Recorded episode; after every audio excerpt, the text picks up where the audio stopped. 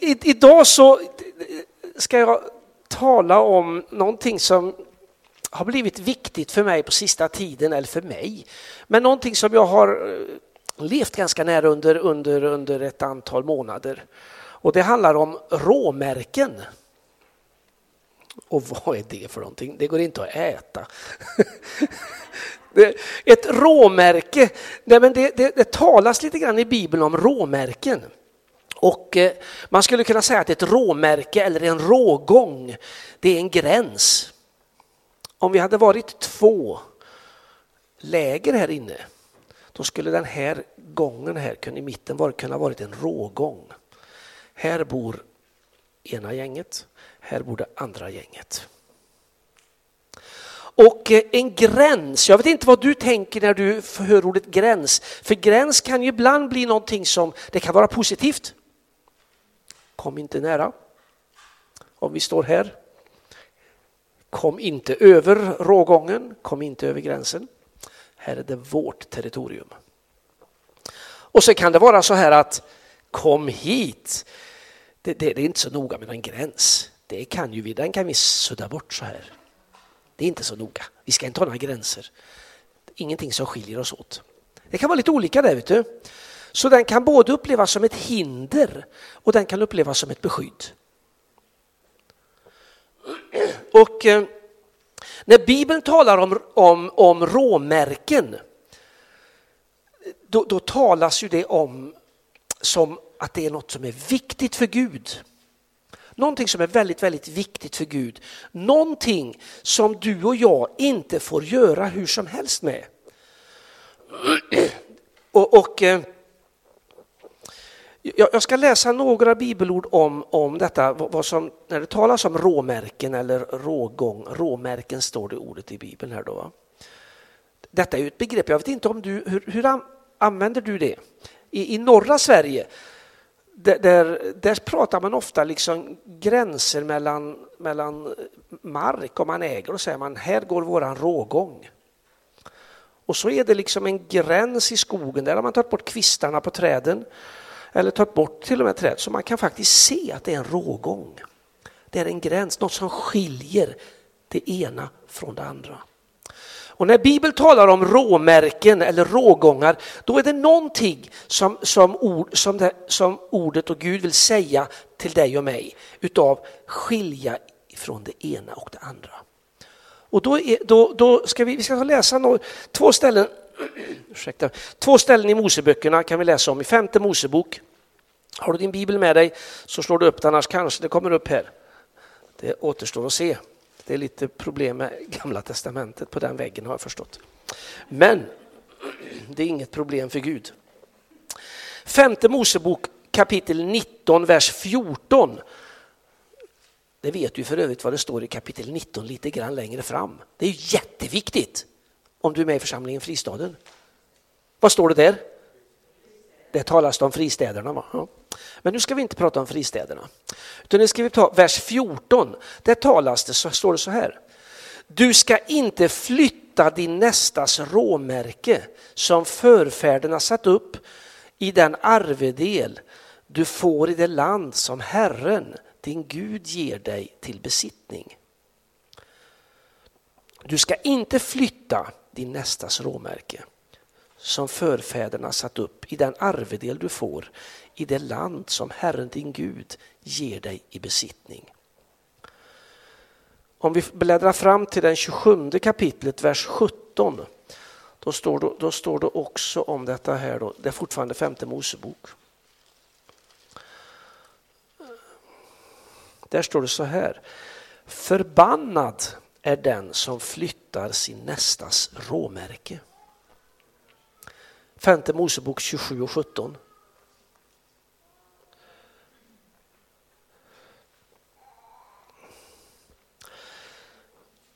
Ordspråksboken, vi, kan, vi ska ta och läsa några ställen till. Ordspråksboken, där står det i 22 och 28. Där står det så här, flytta inte en gammal gränssten som dina fäder har rest.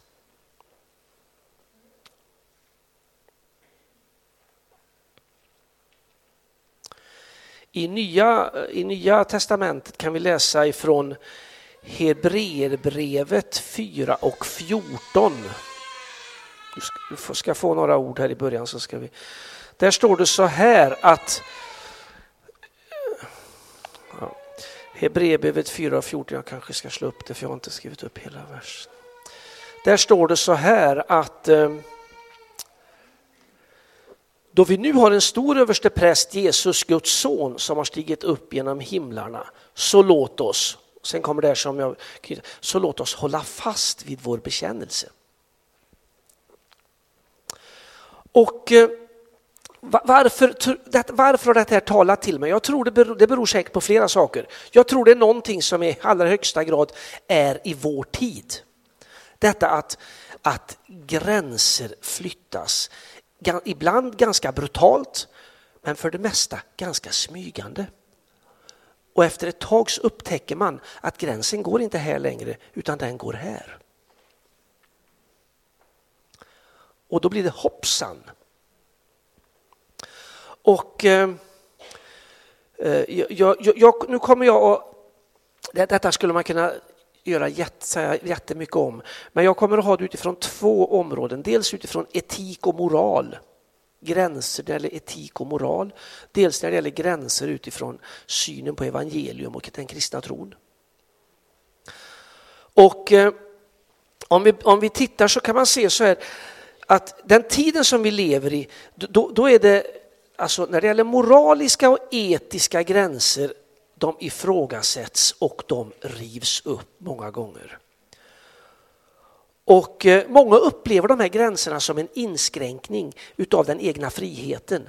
Alltså att, att eh, den här gränsen hindrar mig att göra det jag vill.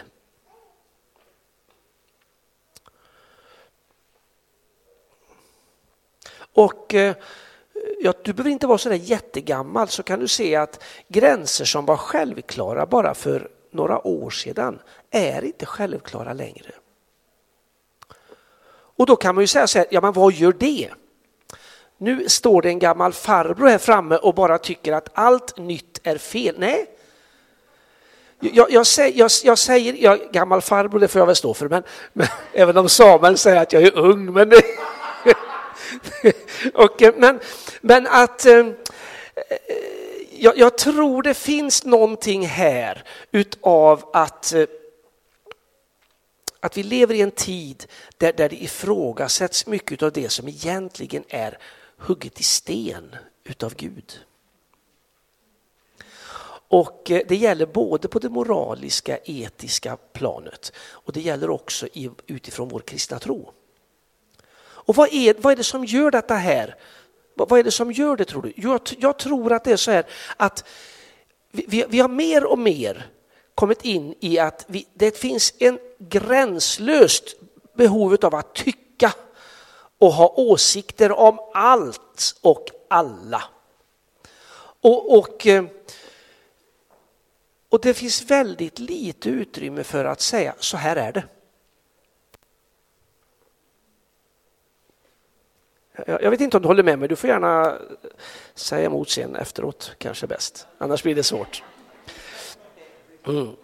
Och eh, det, det, finns nu vet jag inte vem som har sagt det, men när jag, när jag läste någonstans så, så, så, så, så någon som har sagt så här, så det är inte mina ord.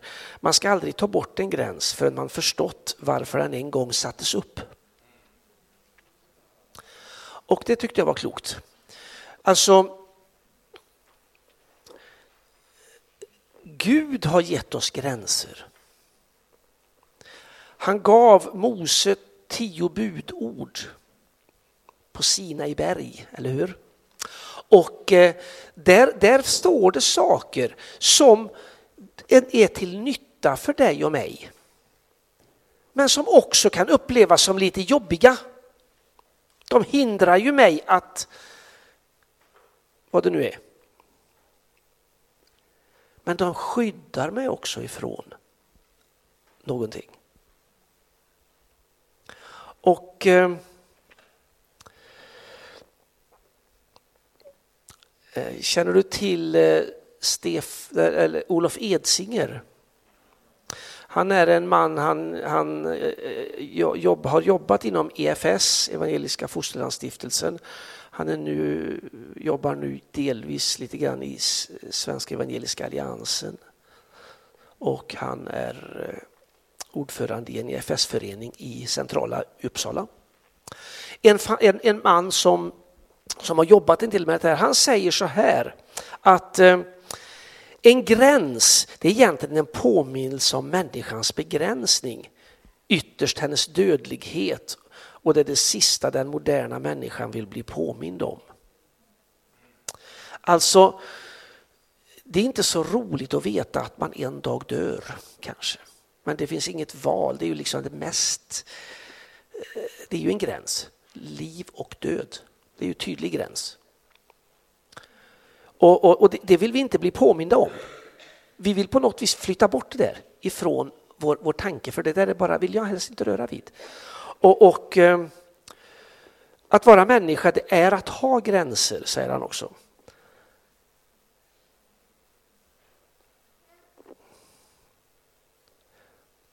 Det, är att ha människor. Och eh, bryter vi gränserna blir vi inte mer mänskliga, säger han. Utan då blir vi omänskliga. kan man ju fundera på. Det, det, det, och jag tror att det är någonting att, att vi, behöver, vi behöver som kristen församling så behöver vi vakna upp och på något vis se, vi får be Gud hjälpa oss att vaka över de gränser som han vill vaka över. För det finns gränser som kanske är mer eh, av religiös natur i vår kyrkliga värld. Det finns gränser, etiska och moraliska gränser som kanske mer är Eh, Eh, ja, som inte är, är, är gudagivna, om man säger så. Men, men, men det finns också saker som är grundläggande, tror jag, fundamentalt. Det står till exempel så här, när Gud skapade människan, då skapade han människan till man och kvinna. Eller hur? Det får jag nästan inte säga idag i vissa kretsar. För och, och då, då, är vi inne på det här med normkritiken. Jag vet inte hur insatt du är i det. En del har kanske aldrig tänkt på det här, en del har tänkt på det mycket. Och någonstans däremellan. Men, men att alla normer, de är egentligen till för att eh, bara... Eh, de är bara besvärliga egentligen. De kan vi liksom nästan ta bort. va. Alltså och, och, och, och eh, det finns vissa sådana här saker som har gjort att du och jag har nästan fått en munkavel på oss. Vi vågar nästan inte säga saker för då ses vi som lite dumma, tror vi. Och eh, han skrev en bok, den här, har skrivit flera böcker och så skrev han egentligen en, en litet häfte här, Olof Edsinger, som heter När minoriteten tar majoriteten som gisslan. Och eh,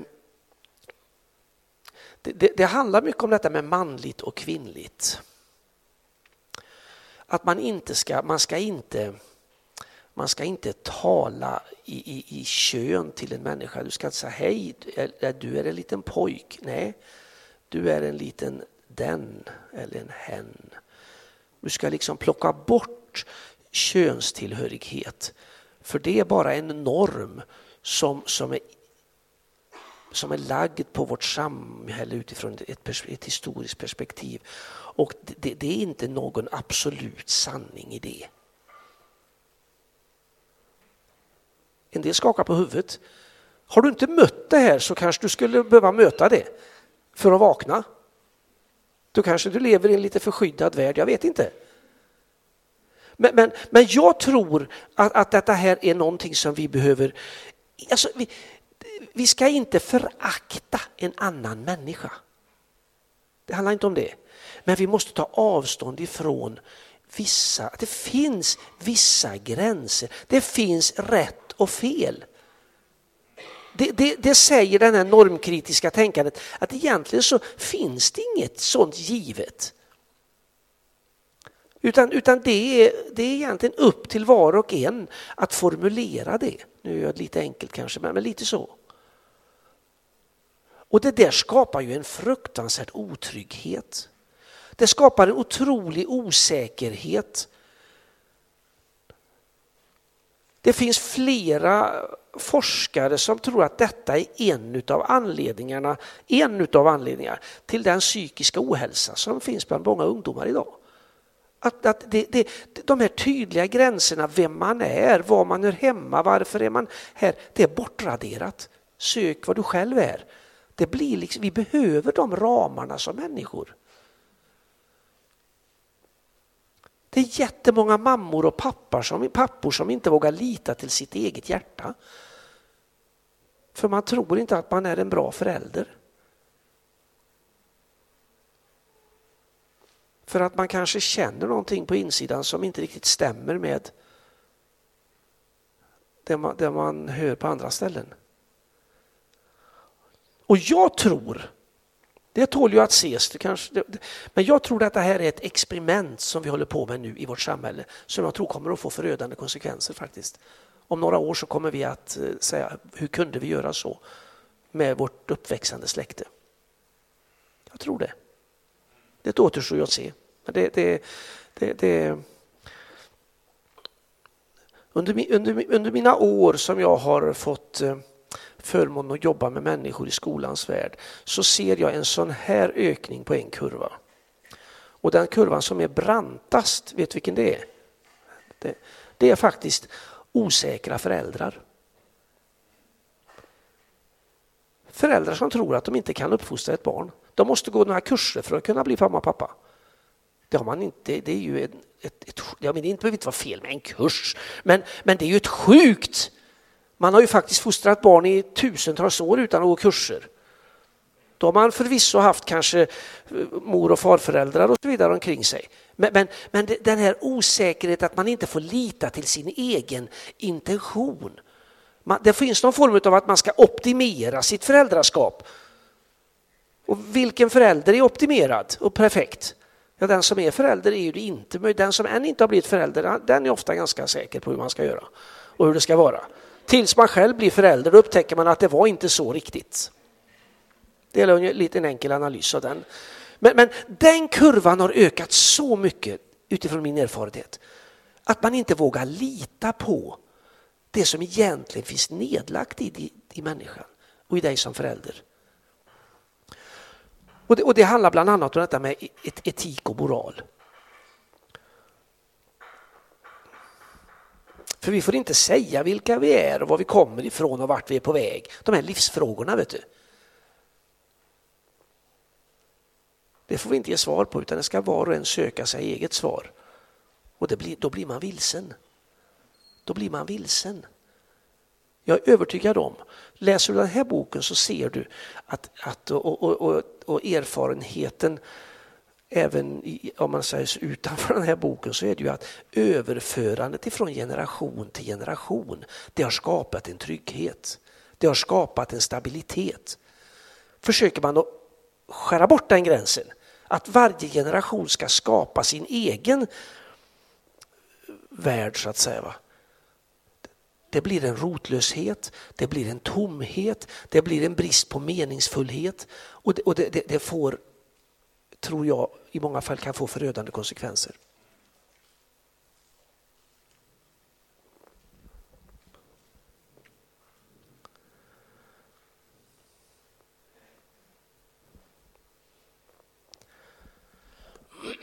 Hur kan du säga det här Anders? Kanske någon tänker. Om du hade levt för, om du, de, många, de flesta har gjort det, men för 15 år sedan, 20 år sedan kanske, då kan du se att en stor skillnad på vad som är viktigt för människor idag. Men idag så är det, och inte minst det uppväxande släktet, det är så otroligt viktigt att det är att hitta sin identitet. För, för den är så lös, den hänger och dinglar någonstans. Det var mycket mer självklart för några år tillbaka. Du som har perspektivet kan se det tror jag. Du, du som inte har perspektivet, du får ju antingen tro mig eller inte. Men, men, men det, det, tittar du liksom, läser du alltifrån skvallerpress så är, och till, till, till, löpsedlar, det finns snart inga löpsedlar i och för sig kanske, men, men, men om du ser reklam och, så, så, är det väldigt, väldigt mycket på att hitta vem man är, hitta sin, alltså det finns jättemycket om detta här. Och är det inte maten du ska fixa till så är det något annat. Du, ska, göra precis, du ska få någonsin hitta rätt för att vara rätt. För att vara fel, det är ju fruktansvärt. Och detta här, det här upptar hela tillvaron, kan göra för oss människor. Och det för oss då ifrån Gud skulle jag vilja säga. Det för oss ifrån Gud. Istället för att vi ser på Gud så ser vi på vår egen navel och alla andra. Det behöver inte vara fel att se på sin navel och se på andra människor, men det är inte bra, det är inte bra om det bara blir det.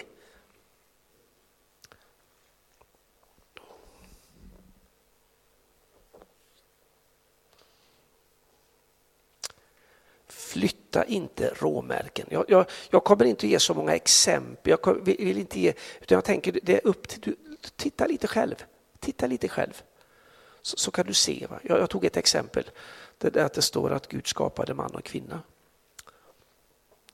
Det betyder att varje människa är aktningsvärd, värd att akta. Varje människa. Men jag tror att det finns män och det finns kvinnor. Det finns pojkar, det finns flickor.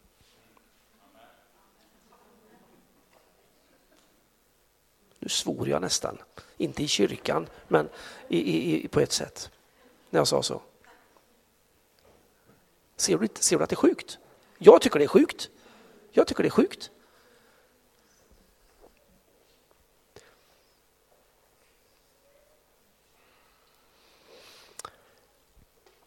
Hur, har detta här, hur kan detta här eh, smyga sig in i vår kristna tro då? Hur kan, jag menar, vad är det kristna tron? Och ja, livet är ju allt, innefattar ju alla de här områdena det är på något vis. Men, men om man tittar rent i vår tro, i vår bekännelse, hur, hur, vad finns det för råmärken i vår bekännelse? Vad innebär det att vara kristen? Definiera den kristna tron i några punkter. Har du funderat på det någon gång?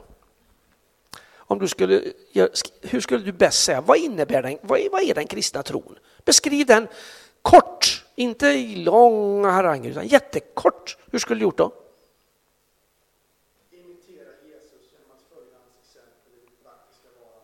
Ja.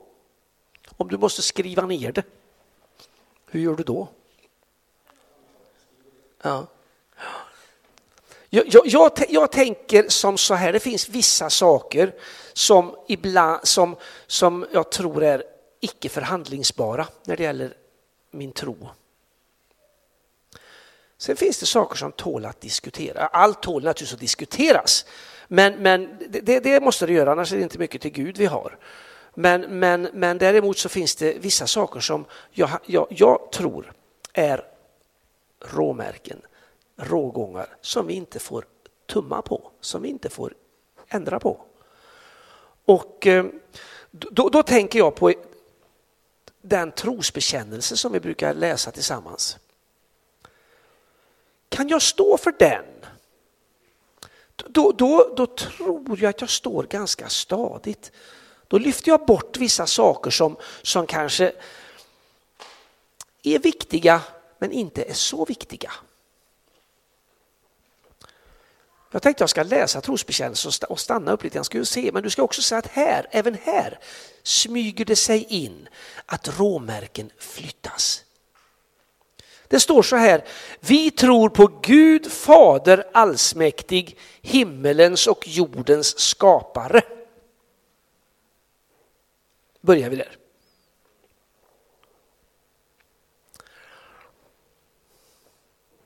Tror vi att Gud är en skapande Gud? Tror vi att Gud har skapat oss? Tror vi att Gud har skapat den värld vi lever i? Sen kan vi ha olika åsikter om det har skett på si eller så många dagar, månader och år och exakt hur det har gått till. Det kan vi lägga åt sidan i detta fallet. Det är inte att det är oviktigt, men det kanske inte är så viktigt. Men att Gud är en skapande Gud. Börjar vi att säga något annat, då hävdar åtminstone jag att då har vi gått ifrån ordet.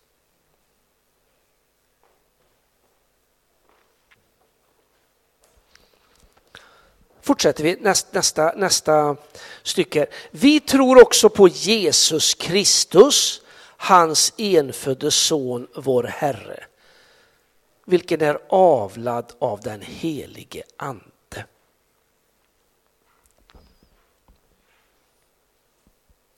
Jesus var inte avlad av någon man, utan han avlades av den helige Ande. Han var alltså inte en människa som vilken som helst, utan han var också Gud.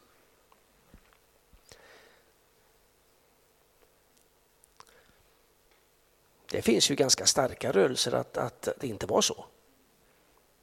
Eller hur? Och så föddes han av en jungfru som heter Maria. Det är omöjligt. Men för Gud är det möjligt. Här finns det ju jättestarka rörelser, ibland i vår kristna familjer, där man vill ta avstånd ifrån det här. Och frågan är om inte det är ett rå, detta här också är ett råmärke som vi, inte ska, som vi måste stå fast vid. Jag tror det. Jag tror det. Den här, den här formulerade man några hundra år på, på 200-talet, den här trosbekännelsen utifrån den romerska. Och, och man, man, försökte liksom att sätta, sätta kärnan. Vad är den kristna tron? Hur definierar jag den kristna tron?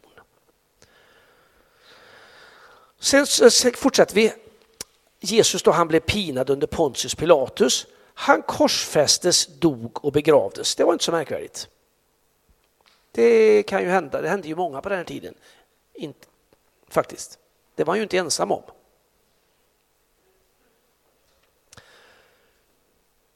Han steg ner till dödsriket.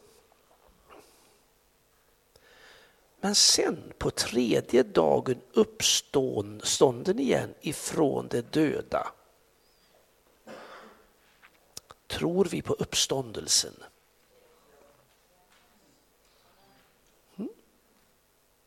Förstår du uppståndelsen? Nej, nej, inte Chris för det och inte Anders heller. Och några till kanske. Nej, vi förstår det inte. Vi, vi kan ju, vi, vi, förstår ju inte hur, hur, hur, det kan gå till riktigt. Va? Men Gud är Gud. Det landar ju någonstans i det hela tiden. Tror vi att Gud är Gud? Om vi, om vi inte tror det, utan Gud är en förnuftsmässig figur som vi kan förklara. Tror vi det, då är ju Gud inte Gud längre, för då gör jag mig själv till Gud. Jag brukar säga så här att så fort jag försöker att definiera Gud och förklara Gud så har jag begränsat Gud och förminskat Gud. Det betyder inte att vi inte ska jobba på det, det är jätteintressant. Men jag kan aldrig omfatta Gud med mitt förnuft. Aldrig, aldrig, för då vore jag Gud själv.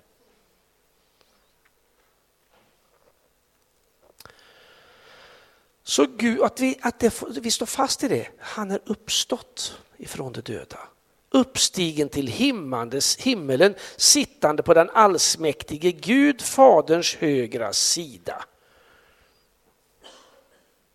Därifrån igenkommande för att döma levande och döda.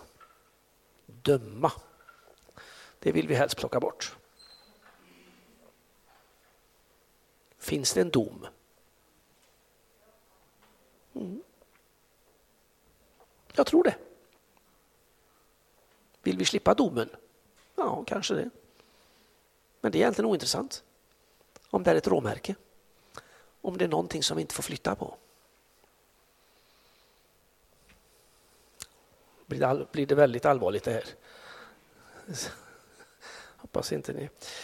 Sen kommer ju då den tredje gudomen, den helige ande. Vi tror också på den helige ande en helig allmännelig kyrka.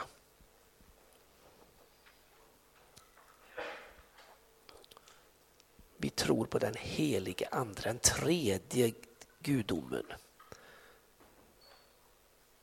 Det är ju ett fundament i den kristna tron som lyfts här också. Fadern, Sonen och den heliga anden. Det har ju människor försökt att förstå under alla tider. Hur kan man vara tre och ett? Får jag lyfta på hatten? Så kan jag fundera lite grann. Men jag får ändå lyfta på hatten att jag kanske inte riktigt kan omfatta det. Eller också plockar vi bort det, för det fattar jag inte. Det är ju det lite grann, vet du. Det är ju då vi plockar bort de här, den här råmärkena. När vi, inte, när vi inte förstår det riktigt, då försöker vi att göra det förståbart och därmed sätta oss själva som Gud. Men jag tror en, en stor del i det kristna livet, det är också att inte förstå.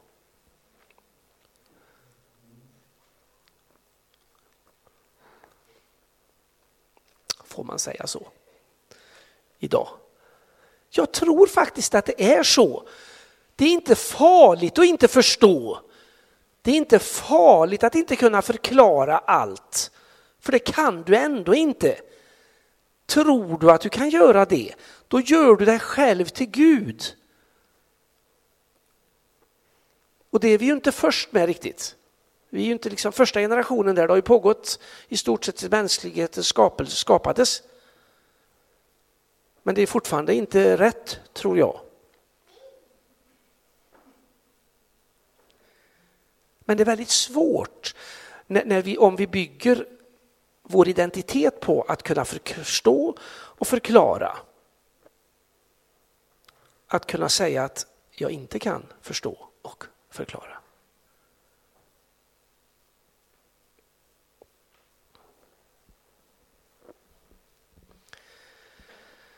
Vi tror på en allmännelig kyrka. Det finns en församling, alla på Jesus Kristus troende. Jag skulle väl vilja göra så, det tål säkert att diskuteras då, men jag, jag tror ändå, de, människor som kan bekänna sig till den här, den, den här, den här den formuleringen, det finns ju några andra trosbekännelser också, det vet du kanske, men, men då, då, det, kärnan är densamma. De, formuleringarna är lite olika. Och, och, det var ju de första kristna de här kyrkofäderna, de här kyrkomötena när man stötte och blötte. Vad ska, hur ska, så att inte det barkar iväg. Var är gränsen? Vad är den kristna församlingen och vad är inte den kristna församlingen? Nu är vi ju inte satta att döma, det vet du. Men det betyder inte att vi ska vara dumma. Utan att vi ändå på något vis har tänkt, jag tror tänkt igenom det här och lite reflekterat över det. Jag tror det är viktigt. Inte minst i den tid vi lever idag. Där, där det just är så mycket ifrågasättande.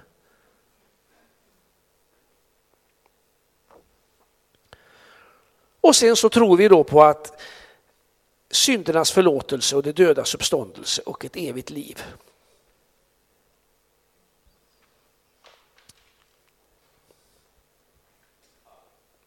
Tror vi på syndernas förlåtelse, då tror vi också att det finns skuld och synd. Annars finns det inget att förlåta. Vi behöver, inte, vi behöver inte ha förlåtelse om det inte finns synd och skuld.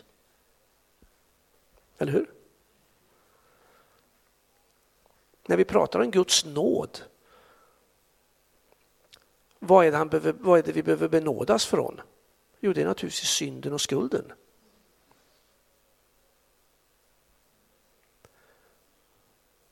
Men det är lite svårare idag att prata om synd och skuld. Mycket godare att prata om förlåta och nåd. Och det är det ju, för det är fantastiskt.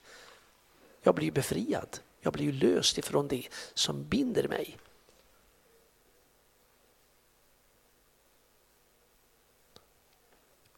Men, men syndernas förlåtelse och nåden, om det ska bli på något riktigt, då måste jag också se att det finns synd och skuld.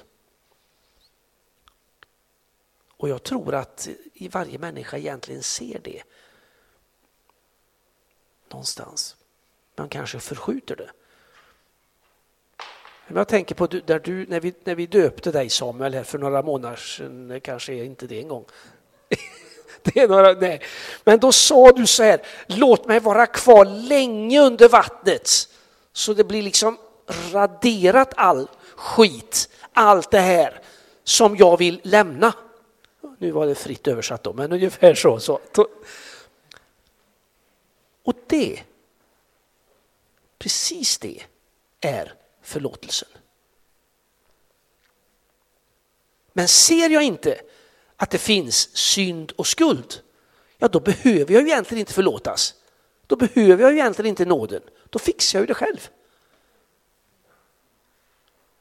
Förlåtelse och nåd, det betyder egentligen, det är ju egentligen kapitulation någonstans. Jag ger mig.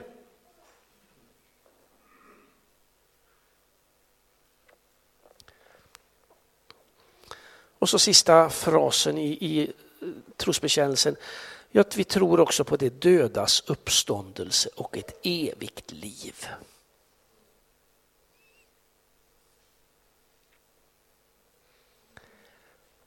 Vi tror att det finns en evighet.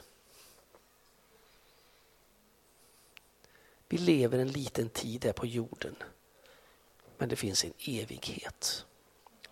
Förklara den om du kan.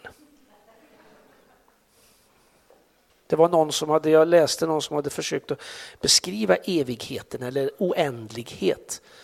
Och det slutar ju, det slutar ju med, liksom, det blev nästan som ett skämt för och, och det var utifrån det här hur långt är det till man kommer dit tills det tar stopp.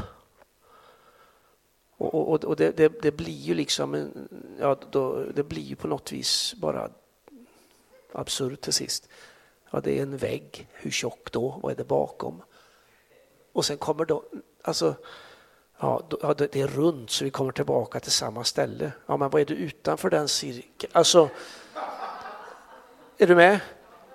Men behovet av att, alltså det är ju så här vet du att om jag plockar bort Gud ur tillvaron, då får jag ju ett väldigt behov att förklara allting. Och då kan man tycka säga, ja men du som tror på Gud, du tänker ju ingenting. Det är inte sant. Jag vet jättemånga utav oss troende som tänker jättemycket. Men det betyder inte att jag ger avkall, gör avkall ifrån de här råmärkena. För det finns områden som jag inte kan förklara. Det finns områden som jag bara måste acceptera, så här är det. Och de här sakerna behöver du och jag som människor för att kunna leva om man säger, goda liv.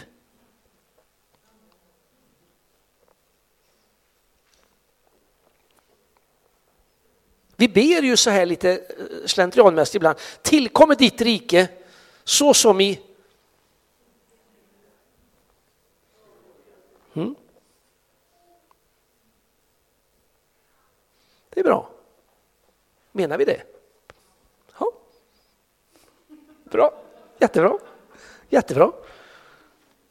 Om det gagnar mina önskningar kanske. Mina åsikter. Kanske inte alltid. Jag vet inte.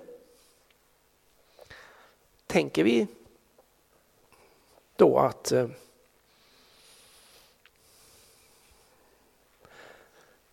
det finns en dom, till exempel. Tänker vi det då? Jag vet inte. Det är ju någonstans så, så, så, behöver vi, vi bara hitta det. Och hur gör vi nu det här då? Nu har jag stått och pratat väldigt, väldigt mycket. Vi läste några bibelord i början. Och, och då tror jag det är så här, vet du, att eh, dels så tror jag att den onde som jag tror är en realitet. Annars finns det ingen ondska.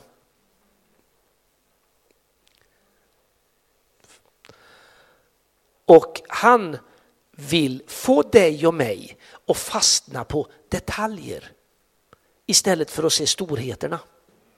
Kan han få oss att fastna på att man ska ha si eller så, nu tittar jag på Samuel, nu, kan man få oss att börja bli fokuserade på hur vi ska vara klädda, hur vi ska, hur vi ska eh, ha vårt hår, hur, detaljer på något vis. för att göra det, alltså, då får han oss neutraliserade och blinda för kanske storheterna skulle jag vilja hävda. Tittar man kyrkohistoriskt så ser man jättemycket så att kan man tycka det är viktiga saker, men ibland kan man fråga sig, var den här detaljen så viktig så det behövdes en separation? Det kan man fråga sig. Samtidigt så vet man att det behövs nya vinläglar talas det om. Det behövs nya, alltså det finns något nytt. Va? Så jag menar det, men, men eh, det behövdes vilket som inte alla de eh, illa, eh, ska man säga, kommentarerna om varandra, de kunde man lagt ner. Det finns vissa saker som gör mig irriterad. Jag är en ganska lång, vad heter det, inte långsam heter det inte kanske. Långmodig, tack! Jag, jag, brukar inte, men vissa saker gör mig, kan göra mig riktigt irriterad. Vet du vad det är? En sån sak. Nu är inte jag den flitigaste på denna världen och det beror på min höga ålder. Då, men det, Facebook det är ju en fantastisk ställe tycker jag. Det är roligt. Jag har fått träffat flera gamla bekanta där. Sen, sen gillar jag inte flera saker med det. Devalveringen av vänskap till exempel. Hur många vänner har du? Jag har inga på Facebook för det. Men jag har ju mycket andra vänner. Man får ett kryss där så är man vän. Det är ju en märklig definition av vän, men det är en annan sak. Men det var inte det jag skulle säga.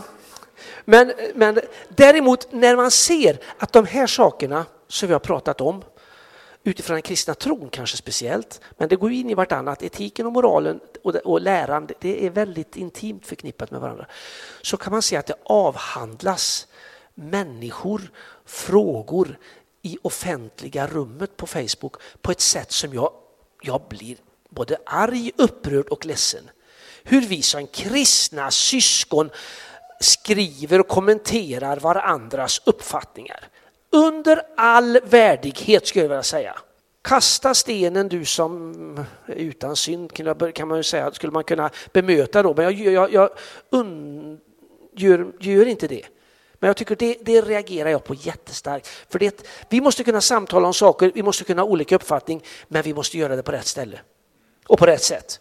Så om du är en sån som håller på och tycker massa saker på Facebook om de här sakerna, sluta med det. Åtminstone för att göra mig lite lugnare.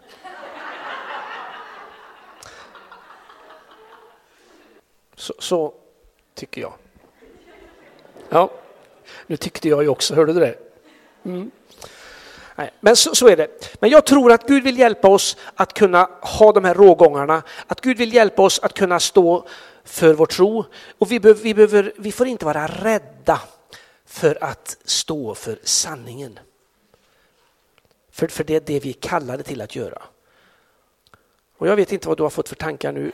Antingen tycker du bara att det är, är konstigt. Men, men jag, jag, jag, tänker så här att vi, be, vi behöver på något vis gå tillbaka till urkunden och det är ordet. Däremot vill jag inte höra de här kommentarerna att jag tror på precis allt som står. För den människan har jag än aldrig mött. Det brukar alltid vara, det, det alltså, hoppas du förstår när jag säger så. Men, men alltså det står, jag tror på allt som står här. Men jag ser ju också att vi gör ett urval. Det finns tolkningar, det finns saker som inte är så knivskarpa utan jag väljer lite grann. Va? Så jag ska vara ödmjuk också inför ordet. Men, men, men däremot så, det här är vår urkund. Det, det är det här, här, vi ska gå tillbaka. Och nu har, finns det ute i foajén en liten bra bok här som Värld idag har gett ut, ett litet häfte här som jag vill göra lite reklam för. Här Lukas Berggren, känner du till honom? Han är chefredaktören på Världen idag. Här har Stefan Gustafsson skrivit någonting som också är en, en man som jobbar nära Olof Edsinger. Han skriver, men, men Lukas Berggren han skriver så här. Jag ska läsa, läsa tre rader för dig. Vi ska avsluta nu strax. Minskat förtroende för Bibeln och minskad bibelläsning innebär i slutändan att både våra församlingar och hela vår kultur eroderar sönder inifrån. Mindre tyckande åsikter, mer grundade i ordet. Ska vi be tillsammans? Jag tackar dig för ditt ord, Herre. Tackar dig, Herre, för att du är Gud. Tackar dig, Herre, för att du vill eh, också hjälpa oss som människor, Herre, att leva de liv som du har kallat oss till, Herre. Tackar dig Herre för att du ser den tid vi lever i Herre. Du ser att det finns ett, ett rop efter, efter dig. Du ser att det finns ett rop efter hopp och mening Herre. Du ser att det finns ett rop efter frid Herre, efter kärlek, efter identitet Herre. Tackar dig för att allt det här är du svaret på Herre. Tackar dig Herre för att du vill lägga ner den här fastheten och tryggheten i våra liv. Vi som nu har fått upp, upp, upptäcka dig här och erfara din kärlek här och din frälsning. Men jag ber också att du ska hjälpa oss här i mötet med de som ännu inte har fått ta emot dig. De människor som än inte har fått erfara din kärlek Herre.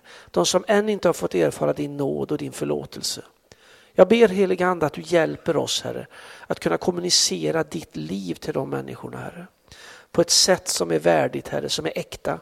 Inte massa floskler, inte massa utanpåverk, utan hjärta Herre. Precis som du gjorde när du mötte människor som hade på olika sätt kommit galet eller som på olika sätt hade levde i synd Herre, som levde i det som inte hörde ditt rike till. Du mötte de människorna med respekt. Men du var tydlig Herre på, med sanningen.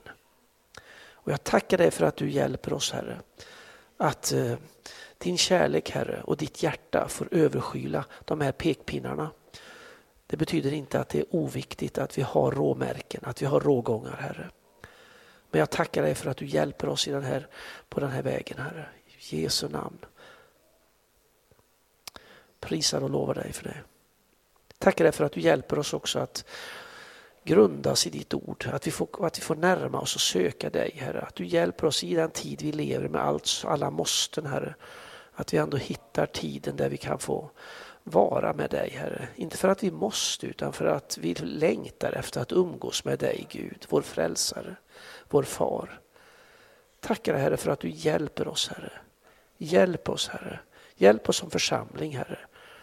Att kunna vara det ljus och det salt och det vittnesbörd om dig Herre som du vill vi ska vara. Tackar dig Herre för att eh, vi också får vända om, Herre. Om det är saker som vi behöver vända om ifrån, Herre. Så får vi bara göra det och vi vet att du är en nådefull Gud. Du är en förlåtande Gud. Och vi behöver inte förneka det som vi har brustit i, Herre. Vi behöver inte förneka det som har blivit fel, utan vi får erkänna och bekänna. Och du förlåter i din stora nåd och kärlek. Så jag ber om din välsignelse över oss var och en, Herre. Jag ber om din heliga Andes ledning över våra liv, Herre. Och jag tackar dig också för att du vill tala till oss, Herre. Du vill peka på om det är saker som vi behöver vakna till på, Herre. Områden vi behöver vakna till, Herre. Prisar och lovar dig för det. I Jesu namn. Amen.